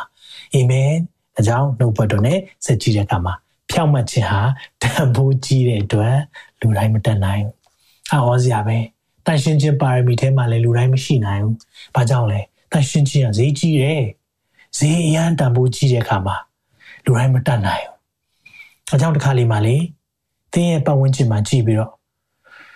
တချို့လူတွေရဲ့ဖြောင့်မတ်ခြင်းမရှိတဲ့အရာတွေစိတ်မကြနဲ့ စိတ်မပြတ်မိစေနဲ့ဆူတောင်းပေးဖို့လိုတယ်။ဟာငါဖြောင့်မတ်တယ်သူတို့မဖြောင့်မတ်အဲ့ဒါဆိုရင်သင်ကဖာရီရှင်းနဲ့အတူတူပဲကျွန်တော်လည်းအဲ့ဒီအစ်စ်မှာအချိန်များစွာသက်ရှင်ခဲ့ပူးတယ်။ကိုယ့်ရဲ့လှုပ်ဆောင်နိုင်မှုတွေကိုယ့်ရဲ့တိကျမှုတွေကိုယ့်ရဲ့နော်စာအုပ်နော် rules and regulation သွားနိုင်မှုအပေါ်မှာကျွန်တော်သွားဖို့မဟုတ်ဘူး။ဖခင်ရဲ့ပြုခြင်းပေါ်မှာသွားဖို့ဒါပေမဲ့အဲ့ဒီမှာဖြောင့်မတ်ခြင်းပါရမီကိုလိုက်ခြင်းဟာလေ ကျွန်တော်တို့အမြဲလုပ်နေရအောင်ပဲရာဘယ်ချိန်ထိလဲချီဆောင်ခြင်းနေ့ရဲ့ကာလထိသွားရမယ့်ရာဖြစ်တယ်ဟာလေလုယာဒါကိုနားလည်နိုင်မယ်လို့ထင်ပါတယ်နော်ဒါကြောင့်ဒီနေ့ဖြောင့်မတ်ခြင်းဟာအဆင့်30နဲ့ကျွန်တော်သိရအောင်ပထမအဆင့်ဟာနော်ဒီအရာလေးကိုကျွန်တော်ချက်ပြန်ပြခြင်းနဲ့ဖြောင့်မတ်ခြင်းကိုအဆင့်30နဲ့ကျွန်တော်သိရအောင်ပထမအဆင့်ကကားတိုင်းမှာပြုတဲ့အဆင့်ဖြောင့်မတ်ပြီးပြီနော် ဒါဟာခရစ်တော်ရဲ့ကယ်တင်ခြင်းသင်ရတဲ့နေ့မှာသင်ဟာဖြောင့်မတ်တော်သူဖြစ်တဲ့ဒါရှင်တော်ဝိညာဉ်တော်ပြသင်အထင်မှာစတဲ့အလုပ်လုပ်တယ်ဒုတိယအဆင့်အခုချိန်ပစ္စုပန်မှာဝိညာဉ်တော်မဆာခြင်းနေ့တိုင်းလိုတယ်အချိန်တိုင်းလိုတယ်။ဘာကြောင့်လဲ practical righteousness လက်တွေ့မှာဖြောင့်မတ်ခြင်းအသက်တာရှိဖို့ဖြောင့်မတ်ခြင်းပါရမီနောက်ကိုလိုက်နေတဲ့သူတွေဖြစ်တယ်။နောက်တတိယအဆင့်တော့ဒီနေ့အားလုံး perfect righteousness သခင်ရဲ့ယေရှုနဲ့တွေ့တဲ့အချိန်မှာဖြစ်မဲ့ရဖြစ်တယ်။ ဒါကြောင့်ဒီအဆင့်၃စု၃ခုနားလည်ဖို့လိုတယ်။တခုရရှိတယ်။အဆင့်၂သွားပြီးတော့အဆင့်၁ကိုစူးစမ်းလို့လုံးဝမရအောင်ပြောချင်တာကကိုကိုကိုဖြောင်းမအောင်စူးစမ်းနေပြီးတော့မှဖះငါ့ကိုကြိုက်မလား no ဒါဆိုတဲ့အဆင့်ကျော်နေပြီအဆင့်တစ်ကနေစဖို့လိုတယ်အဆင့်တစ်ကပါလဲကျွန်တော်ဟာမဖြောင်းမဘူးသခင်ရဲ့ဖြောင်းမခြင်းလိုအပ်တယ်လို့ဝန်ခံတဲ့သူဖြစ်တယ် တနည်းအားဖြင့်ကျွန်တော်ဟာကယ်တင်ခြင်းခံရဖို့လိုအပ်တယ်လို့ဝန်ခံရတဲ့သူဖြစ်တယ်ကျွန်တော်ဟာအပြစ်သားဖြစ်တယ်လို့သိတော်သူဖြစ်တယ်ဟာလေလုယာဆက်ပြီးတော့ကျွန်တော်တို့ကြည့်ရအောင်ဟုတ်ပြီဒါဆိုဖြောင်းမခြင်းဆိုင်ရာဖြောင်းမခြင်းပါရမီနောက်လိုက်ပြီဖြောင်းမချင်းတင်ကျင့်ကြံပြီဒါဆိုရင်သခင်ရဲ့ဂတိတွေဘာရှိလဲအကျိုးဘာရှိလဲရှိတာဗောဒီနေ့ပါပြောလေဘုရားကမဿဲ6ထဲမှာကျွန်တော်နှုတ်ပတ်တော်ဒီနှုတ်ပတ်တော်မကြာခဏကြာဒါပေမဲ့မိသွားတယ်တခုရှိတယ်။ဘာလဲသိလား။ ဘုရားသခင်ဤနိုင်ငံတော်နဲ့ဘာလဲဖြောင့်မှန်ခြင်းတရားတော်เนาะဒီနေ့ဘုရားသခင်နိုင်ငံတော်ရှိဥစွာရှာဒါကြောင့်ဖျားချောင်းသွားရအောင်မိသားစုတွေဖျားချောင်းသွားမယ်ဒီနေ့ဒီနေ့ကျွန်တော်တခါလေကြာရင်ဘုရားရဲ့နိုင်ငံတော်နဲ့ဖြောင့်မှန်ခြင်းတရားဆိုတဲ့အရာအဲ့ဒါကိုနားလည်ဖို့လိုတယ်နော်ဒီနေ့နိုင်ငံတော်အတွက်နိုင်ငံတော်ပထမထားမယ်ဆိုပြီးတော့ကျွန်တော်လှုပ်ဆောင်တဲ့အရာတွေ ဖြောင့်မတ်မှန်ကန်ခြင်းမရှိတာအများကြီးပဲဘုရားအသင်ကိုပေါ်ပြနေလိမ့်မယ်ဝိညာဉ်တော်ဘုရားနှုတ်ပတ်တော်နဲ့စကားပြောလေးရှိတယ်ကျွန်တော်အသက်တာကိုပြုပြင်လေးရှိတယ်ကျွန်တော်အသက်တာမှာဘာတွေဘုရားနဲ့မမှန်ထားလဲအောသဘစိတ်မကြည်လင်ဘူးကလေးတွေငြိမ်နေကြည့်လိုက်စကားသာမတက်တာတခုခုခိုးလောက်ထားပြီးပြီဆိုသူတို့ငြိမ်နေတယ်ဘာကြောင့်လဲအထဲမှာအောသဘစိတ်ရှိတယ်အဲအောသဘစိတ်ကမလုံတခုခုမှားနေပြီးသူနော်တခုခုလှုပ်ထားပြီးပြီဆိုတာပေါ်နေတယ်နော်မလိန်တက်တဲ့လူတွေလိန်ခိုင်းကြည့် အာအာအားတအားတဖြစ်နေတယ်ဘာကြောင့်လဲလိန်ထားပြီးပြီဆိုဟုတ်လားနော်ဒါကြောင့် body language မှာပြတယ်နော်အဲကြောင့်ကျွန်တော်တို့စုံစုံတောက်တွေကစစ်ဆေးတဲ့အခါမှာသူတို့မျက်လုံးတွေကြည့်တယ်ဘယ်ကြည့်နေလဲလေတံဘယ်လိုလဲအမူအရာဘယ်လိုလဲအဲ့ဒီမှာကျွန်တော်အထဲမှာဩသဘစိတ်ကလူဆိုးပင်တယ်သူတို့ထဲမှာဩသဘစိတ်ရှိတဲ့အခါမှာသိတယ်ဒါမမှန်ကန်ဘူးဒါမလုပ်သင့်ဘူးဆိုသိတယ်ဒါပေမဲ့သူတို့အိတ်ကနေမလုံးမယုံထွက်နိုင်ဘူးစာတန်ကလည်းတရားအောင်အုပ်ထားတယ် ဒါပေမဲ့ယုံကြည်သူတွေလက်နဲ့တတ်စင်တိုင်းစာတန်ရဲ့အုပ်ဆိုခြင်းလုံးဝမရှိဘူးဟာလေလုယာကြည်အောင်ဆက်ပြီးတော့နိုင်ငံတော်နဲ့ဖြောင့်မတ်ခြင်းတရားတော်ရှေးဥစွာရှာရင်းနဲ့နောက်မှထိုးရများတဲ့။ဘာလဲဒီမသဲ6ထဲမှာဖတ်ကြည့်မယ်ဆိုရင်စားဖို့တွေတောက်ဖို့တွေဝတ်ဖို့တွေနေရေးထိုင်ရေးတွေဒါတွေအားလုံးအတွက်ဘုရားပြင်ဆင်ပေးမယ်လို့ဘုရားပြောချင်တာ။ ဒါပေမဲ့တခုတော့ရှိရနော်။ဘုရားနိုင်ငံတော်ထဲမှာအလုပ်လုပ်ဘုရားကြွေးမွေးမယ်။မှန်တော့မှန်တယ်။ဒါပေမဲ့အမှုတော်ဆောင်တော်တော်များများဖြောင့်မတ်ခြင်းတရားမကျင့်တဲ့လူအများကြီးရှိတယ်။အမှုတော်ဆောင်တွေဖြစ်တယ်ဆိုတာလေတခါလေကြာရင်လေအော်ရတဲ့သူတွေလည်းရှိတယ် online တွေမှာရေးကြတယ်တခြားဘသူဟောတယ်ငါရဲ့နှုတ်ပတ်တော်မှန်တယ်သူဟာမှားတယ်ဟာလားငါရဲ့ဟာပူကောင်းတယ်သူဟာလိုအပ်တယ်ဒါတွေနဲ့ပဲချိန်ကုန်တဲ့ခါမှာလေတခါလေးကြာရင်ကျွန်တော်လည်းစဉ်းစားကြည့်တယ်ဘယ်ချိန်မှာနှုတ်ပတ်တော်နဲ့ဖျားနဲ့အ သက်ရှင်လဲစင်ချင်လဲဆိုတာသူတို့ကိုစားလေးစဉ်းစားပေးကြည့်တယ်ဒီနေ့တခါလေးကြာရင်ကျွန်တော်တို့ကိုယ်တိုင်နော်ဒီနေ့သိဖို့လိုတယ်ဇာတ်တရားဘာပြောဘူးလဲဆိုတော့ဖျားရဲ့မေတ္တာဟာတဲ့ခါလီမာတဲ့ဆိုးတဲ့သူတွေကိုရောက်ဖို့ထဲတဲ့ကိုကိုကိုကောင်းနေလို့ထင်တဲ့သူတွေကိုရောက်ဖို့ကပိုခက်ခဲတယ်။ဒီနေ့ဖျားမြတ်တာလူတိုင်းစီရောက်ရောက်ပါတယ်သွားတယ်။ ဒါပေမဲ့လေကိုကိုကိုလိုအပ်ချက်မရှိဘူးထင်တဲ့လူတတ်เสียမလိုဘူးဆိုတဲ့လူလေသင်ပေးရအခက်ဆုံးပဲနော်။ဒီနေ့ပြင်ပေးရတဲ့အခါမှာအခက်ဆုံးပဲ။ဒါကြောင့်ကျွန်တော်ရဲ့အသက်တာမှာဖျားရဲ့နိုင်ငံတော်နဲ့ဖြောင်းမှခြင်းတရားတော်ကိစ္စမရှိဘူးဖះကျွေးမွေးမယ်ကြံနေရတယ်ကျွန်တော်တို့အကြံဖန်လေးလုံးလိုက်မှကိုယ့်ဘက်ကဘလူလေးလုံးလိုက်မှမလုပ်ပါနဲ့ဖះတွေ့နေတယ်ဖះသိနေတယ်ဒီအတွက်စီရင်ခံရမယ်ဆိုတာအမြဲတမ်းသိဖို့လိုတယ်သူတို့ပြမှုတော်ဆောင်နေ ကျွန်တော်တို့ရဲ့ပေတံပို့ပြီးတော့အာစိတ်တွေပြောရမလားနော်ကျွန်တော်တို့ကိုဘုရားစစ်ဆေးမဲ့အရာပို့ပြီးတင်းကျပ်တယ်အဲကြောင့်ကျွန်တော်တို့အမြဲတမ်းဆင်ခြင်ဖို့လိုတယ်တည့်ရမှာလူတွေကိုသင်ပြီးတော့ကိုယ်တိုင်ဆုံးရှုံးတဲ့သူမဖြစ်ဖို့တဲ့မိမိကိုယ်ကိုထိုးနှက်တယ်လို့ရှင်ဘောလိုကပြောတယ်ကိုယ့်ဟောက်ကိုအမြဲတမ်းချိန်ကြည့်တယ်လို့ပြောတာဖြစ်တယ်ဆက်ပြီးတော့ကြည့်အောင်ဘုရားဂတိတွေပါရှိသေးလဲ ဒီမှာရှင်မသက်9ထဲမှာငွေ6မှာလို့ပြောတယ်အခန်းကြီး9ဒါတောင်ပေါ်ဒေသနာလို့ကျွန်တော်တို့ပြောတဲ့အရာဖြစ်တယ်အငွေ6မှာဖြောင့်မတ်ခြင်းပါရမီကိုစာငတ်ခင်မွတ်တော်เนาะဆိုခင်မွတ်တော်သူတို့ဒီမင်္ဂလာရှိကြ၏အကြောင်းမူကားသူတို့ဒီဝပြောခြင်းတို့ရောက်တယ်အဲ့ဒီဝပြောခြင်းကြတော့အင်္ဂလိပ်ကျမ်းစာမှာဘယ်လိုပြောသုံးထားလဲဆို satisfied အာသာကိုပြည်သွားတာဟုတ်လားတခါလေကျွန်တော်တို့အစားအသောက်တစ်ခုခုစားတဲ့အခါမှာဘိုက်တင်းတယ်အာသာမပြည်တဲ့အချိန်အများကြီးရှင်နော် အဲ့ဆိုဘာလုပ်လဲဟိုကြည်ဒီကြည်နေဟုတ်လားနေကြစီစားမလို့လို့အချင်းစားမလို့လိုက်ရှာတခုခုအဲဘိုက်တင်းလားဆိုတင်းတယ်အာသာမပြေဘူးဝါပြောတာမရှိဘူးဒါပေမဲ့ဖះရဲ့နှုတ်ပတ်တော်ထဲမှာဘာပြောလဲဆိုတော့တန့်ရှင်ဖြောင့်မတ်ခြင်းပါရမီကိုနော် righteousness အဲ့ဒီ righteous rightness ပေါ့မှန်ကန်ခြင်းကြိုက်တယ်မှန်တာကိုပဲသဘောကျတယ်ဆိုရင်အဲ့ဒီသူတွေကမင်္ဂလာရှိတယ်ဘုရားပြောထားတယ်အကြောင်းမူကားထိုးသူဟာ အဲ့ဒီသူတွေကဝပြောမယ်ဒီနေ့ဖခင်ကလေကိုယ့်ရဲ့သက်တာမှာတခြားအရာမဟုတ်တော့ဘဲနဲ့ရှိတဲ့ရာနဲ့ဝပြောနေတာနော်ဆိုတော့ဒါကြောင့်ကျွန်တော်သက်တာမှာဘာလို့လဲတန်ရှင်းချင်းပါရမီလိုတယ်ဟုတ်ပြီ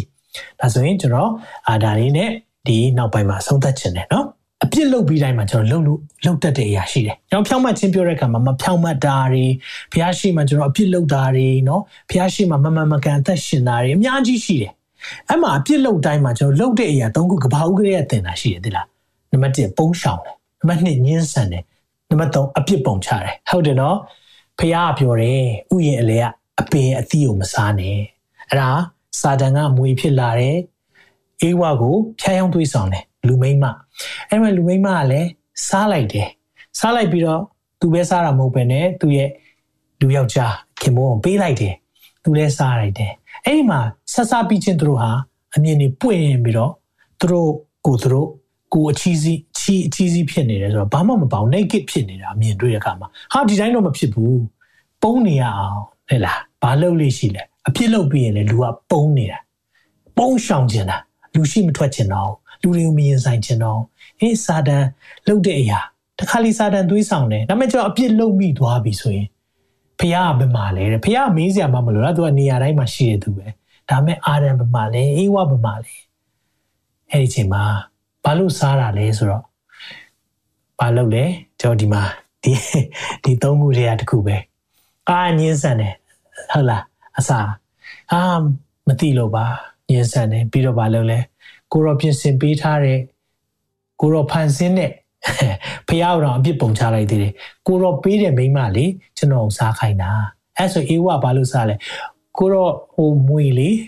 ဒီပုံစံအတိုင်းပဲကျွန်တော်တို့ကအခုချိန်ထိသက်ရှင်တော့ပုံရှောင်မယ်ညင်းဆန်မယ်အာမဟုတ်ဘူးကျွန်တော်မဟုတ်ဘူးကျွန်တော်ကြောင့်မဟုတ်ဘူးကျွန်တော်ဖြစ်မဟုတ်ဘူးမဟုတ်မဟုတ်မဟုတ်ကျွန်တော်လည်းမဆိုင်ဘူးဒီကိစ္စမဟုတ်ဘူးမဟုတ်မဟုတ်မဟုတ်ဒါဒါဒါဒါစိတ်ဆိုးရဲဆိုတာမဟုတ်မဟုတ်မဟုတ်စိတ်ဆိုးအောင်လုပ်တာ哦 စိတ်ဆိုးအောင်လုပ်တာဆွပေးတာဟုတ်လားဆိုတော့ကိုကိုပြစ်ဖြစ်နေလားရေမှောက်သွားမှောက်မှာပေါ့နေအမှထားတာ哦ပြစ်ပုံချပြစ်ပုံချတယ်ဟလားညင်းဆန်တယ်ကိုပြစ်လုံးဝမရှိဘူးဒီတိုင်းပဲကျွန်တော်တို့အခုချိန်ထိအသက်ရှင်နေတော့ဖြစ်တယ်။ဒါပေမဲ့ဖခင်ကပြောလဲဖြောင့်မတ်စွာအသက်ရှင်ဖို့အရေးကြီးတယ်။ဘာကြောင့်အရေးကြီးတာလဲကျွန်တော်ပြောပြမယ်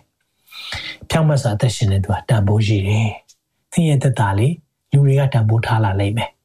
ကားဒီတယောက်သွားပြီးတော့မလုံးနဲ့သူကဖြောင့်မတ်ခြင်း။နောက်မှန်ကန်တယ်မှန်ကန်စွာနေထိုင်တယ်။မဟုတ်တဲ့ဟာတွေမလုပ်ချင်ဘူး။သွားမကြည့်နဲ့။ငါတို့သွားသွားဒီကောင်ရက်တောက်ဖို့သွားမခေါ်နဲ့မရဘူး။သင်ဟာတန်ဖိုးရှိလာတယ်။ဟာတူတူတော့လုံးမလုံးနဲ့။တမှုရှိလာတယ်ပြီးရင်ဖြောင့်မခြင်းပါလို့လဲနှလုံးသားကိုကာကွယ်ပေးထားတယ်သင်ရဲ့နှလုံးသားကိုကာကွယ်ပေးတာမဟုတ်အဲ့ဒါပဲလားမဟုတ်ဘူးတန်ရှင်းခြင်းအသက်တာကိုဥတည်တယ်အဲကြောင့်ဖြောင့်မခြင်းပါရမီတအားလိုတာ မိတ်ဆွေကိုနားလဲစေခြင်းတယ်ဒါဆိုနေ့စဉ်မှာဘလို့အသက်ရှင်မလဲကျွန်တော်အသက်တာမှာနေ့စဉ်မှာဖခင်ရဲ့ဖြောင့်မခြင်းနဲ့ဘလို့အသက်ရှင်မလဲဒါလေးနဲ့ပြောပြီးတော့ဆုံးသက်ခြင်းနဲ့ကျွန်တော်အသက်ရှင်ဖို့နီလန်တစ်ခုပဲရှိတယ်အဲ့ဒီဖြောင့်မတ်ခြင်းကလေကျွန်တော်တစ်ခါလေးမှာဘာဖြစ်တတ်လဲတလားယိုယိုเนาะကျွန်တော်ယိုယိုဆိုတာကလေးတွေကစားတဲ့ဟာเนาะဟိုကျိုးလေးနဲ့တွဲပြီးတော့ ဂျင်လေးခေါ်တာပေါ့နော်ဂျင်လေးလှုပ်လိုက်ရင်သူကကျိုးနဲ့ကျသွားတယ်ပြန်ဆွဲလိုက်ရင်ပြန်တက်လာတယ် up and down ဆိုအပေါ်တက်လိုက်အောက်ဆင်းလိုက်ကျွန်တော်တို့တစ်ခါလေးမှာအသက်ရှင်ခြင်းကလည်းအဲ့လိုဖြစ်နေတတ်တယ်ကျွန်တော်သက်တာမှာတစ်ခါလေးကျတယ်အပေါ်မှာရှိတယ်တစ်ခါကျအောက်ရောက်သွားလိုက်တစ်ခါကျအပေါ်တက်လိုက်ခါရအောက်ရောက်သွားလိုက်အဲ့လိုမျိုးအသက်တာဖြစ်နေတတ်တယ်အနှိမ့်နဲ့အမြင့်နဲ့အနှိမ့်နဲ့အမြင့်နဲ့အမြဲတမ်းတွဲနေတတ်တယ်အဲ့လိုဖြစ်တဲ့ခါကျရင်အာကျွန်တော်လူရှိမှမရက်ချင်ဘူးကို့အကြောင်းကိုသိတယ်ကိုယ့်ရဲ့အသက်တာကိုသိတယ်ကိုယ်နှလုံးသားကိုယ်စိတ်ထဲမှာ မလုံဘူး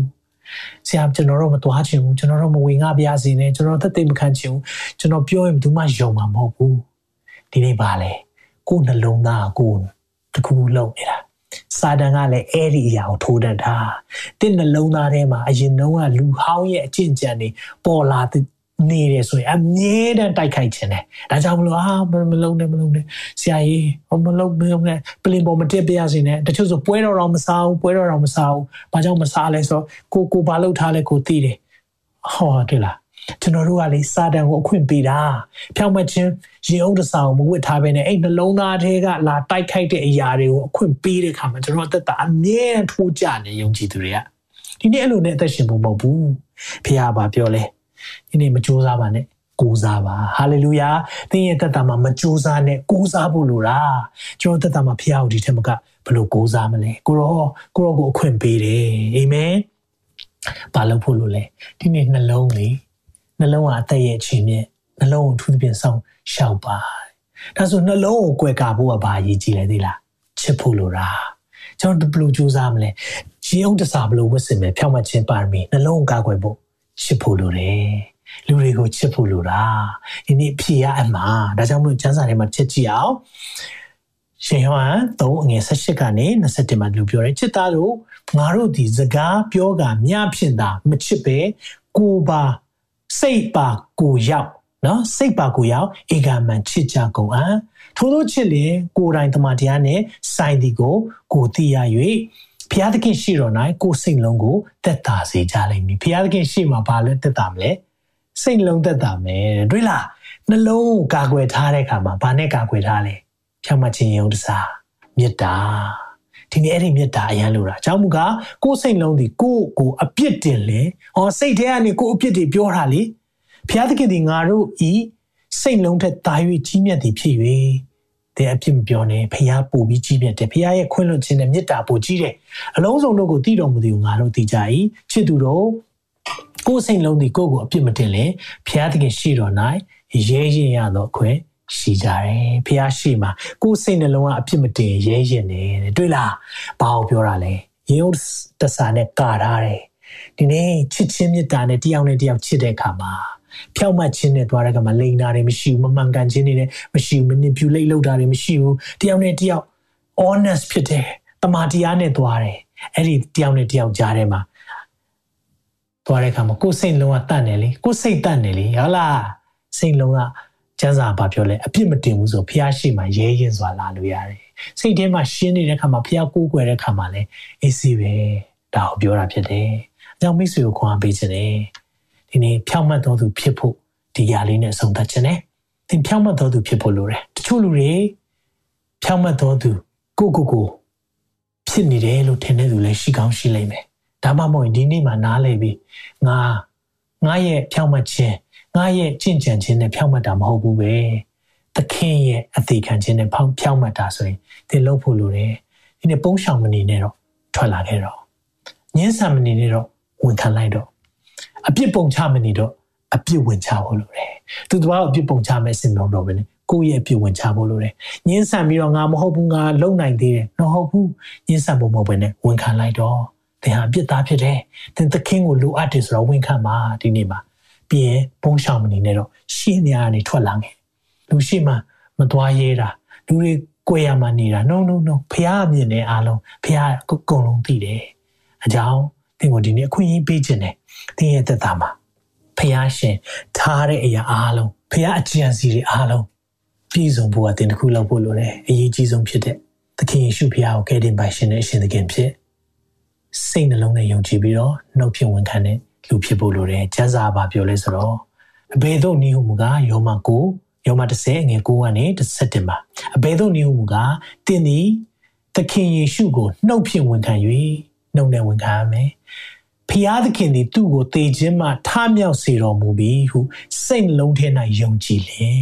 စိတ်နှလုံးထဲမှာယုံကြည်ရမယ်ကယ်တင်ခြင်းသို့ရောက်လိမ့်မည်ဖြောင့်မတ်ရာသို့ရောက်ခြင်းကအဲ့ဒီမှာဖြောင့်မတ်ရာရောက်ဖို့ဘာနဲ့လိုရမလဲစိတ်နှလုံးနဲ့ယုံကြည်ရဒါကြောင့်ဖြောင့်မတ်ခြင်းနှလုံးသားကိုကာကွယ်ဖို့ကလေဖြောင့်မတ်ခြင်းယုံတစားကိုဖျားပြင်ဆင်ထားပြီးတာဖြောင့်မတ်ရာရောက်ဖို့စိတ်နှလုံးနဲ့ယုံကြည်ရမယ်ကယ်တင်ခြင်းကိုရောက်ဖို့ကြတော့နှုံနဲ့ဝင်ခံရမယ် မိတ်ဆွေဒီနေ့တင်းရဲ့အသက်တာမှာတစ်ခါမှမဝင်ခံဘူးဘူးဆိုရင်ဖိတ်ခေါ်ခြင်းတယ်တင်ဟာဓမ္မမိတ်ဆွေဖြစ်ပြီးတော့ဒီရဲ့ live ထုတ်လွှင့်ချက်ကိုသင်ကြားတဲ့အခါမှာတင်းကိုစကားပြောနေတယ်ဆိုတဲ့အရာသင်ခံစားရလိမ့်မယ်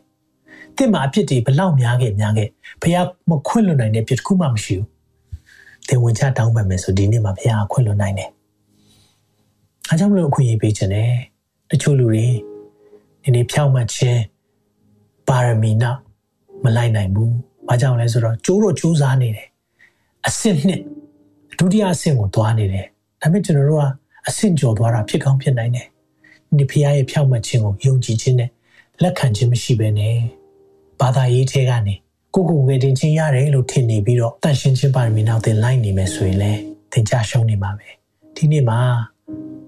ပုံရှောင်မနေနဲ့တော့ထွက်ခဲ့ပါ။ရင်းဆက်မနေနဲ့တော့ဝန်ခံလိုက်ပါ။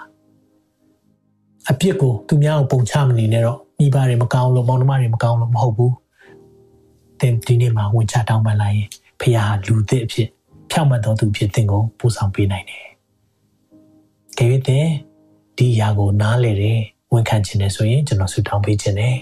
နှလုံးသားဖွင့်လျက်ကျွန်တော်နောက်ကနေလိုက်ဆိုပေးပါယေရှုပြည့်။သခင်ယေရှုဖခင်ကျွန်ုပ်ဟာအဖြစ်သားဖြစ်ပါတယ်။အဖြစ်အားလုံးအတွက် ဝင်ချတောင်းပန်ပါတယ်။ဒီနေ့မှာပုံရှောင်မနေတော့ပါဘူး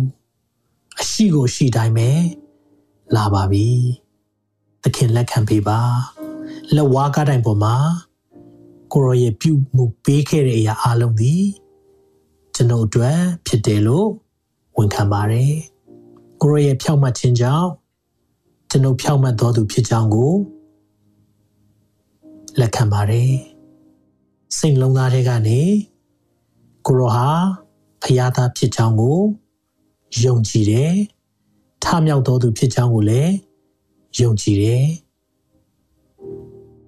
နှုတ်အားဖြင့်လည်းကိုရောကိုဒီနေ့မှာဝန်ခံပါ၏သခင်ယေရှုဖျားကျွန်ုပ်သက်တာကိုအုပ်ဆိုပါဖြောင့်မတ်တော်သူဖြစ်ပြီးဖြောင့်မတ်ခြင်းပါရမီနောက်ကိုလည်းအမိလိုက်နိုင်ဖို့ ခွန်အားပေးပါသခင်ယေရှုနာမ၌ဆုတောင်းပါ၏အာမင်အာမင်အာမင်ဟာလေလုယာဖျာရှင်သိကောင်းမြတ်တယ်သင်ဟာ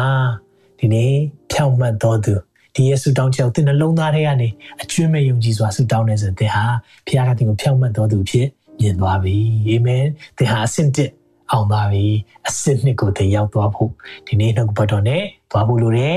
ဆက်လက်ပြီးတော့နှုတ်ပတ်တော်ခံယူဖို့လိုတယ်ဒီနေ့ဒီနေ့ Christian living လို့ခေါ်တဲ့ခရိယန်သက်တာပိုင်းမှာအသက်ရှင်ခြင်းမှာသွားဖို့လိုတယ်ဆိုတာကိုပြောပြခြင်းနဲ့ရောက်စီတိုင်းဖျားရှင်ကောင်းချီးပေးပါစေတင်ခုလိုနာဆင်ခွန်အားနိုင်ခြင်းဟာမြန်မာ Worship Ministry ကိုလာဆင်ပန်ပိုးနေကြတဲ့ Kingdom Partners များအကြောင်းဖြစ်ပါတယ်။ဖျားခင်နိုင်ငံတော်ကျယ်ပြန့်ရေးအတွက်လာဆင်ပေးကမ်းပောင်းဖို့ရန်ဖိတ်ခေါ်လိုပါတယ်ရှင်။